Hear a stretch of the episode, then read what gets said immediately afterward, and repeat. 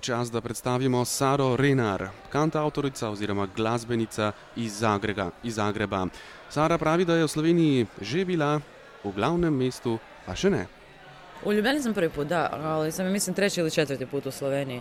Ovaj, predstavila bi se kao glazbenica, autorica, neka, neka vrsta umjetnika i performera opće prakse. Sara se torej sama na kratko predstavi kot glasbenica, avtorica in nasploh umetnica.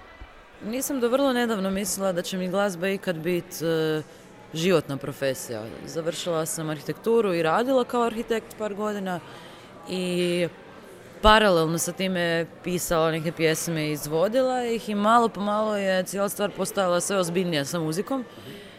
Nakon drugog albuma Jesen sam osvojila nagradu Porin u Hrvatskoj i na, I onda vrlo brzo nakon toga je eksplodirao broj svirki, generalno angažman i u tom trenutku dajem otkaz na poslu i posvećujem se glazbi u potpunosti. Tako da zapravo u nekom periodu od možda 5-6 godina od vrlo amaterskog i povremenog bavljanja muzikom, ovo sad postaje stvarno profesionalno. E, Sara Rinar o sebi pravi, da je diplomirana arhitektka, nekaj let je tudi delala na tem področju, a si nikoli ni mislila, da, bo, da se bo nekoč preživljala z glasbo.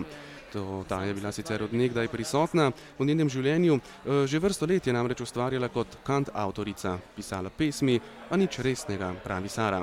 No, po izdaji drugega albuma Jesen pa so se stvari obrnile na glavo. Osvojila je namreč nagrado Porin, nekakšen hrvaški gremi, in potem se je strmo povečalo število koncertov, kar je pomenilo, da se je glasbi posvetila popolnoma. Sara tudi pravi, da jo glasba izpopolnjuje, jo žene naprej pri raziskovanju sveta, odpira vedno nova vprašanja in vrata.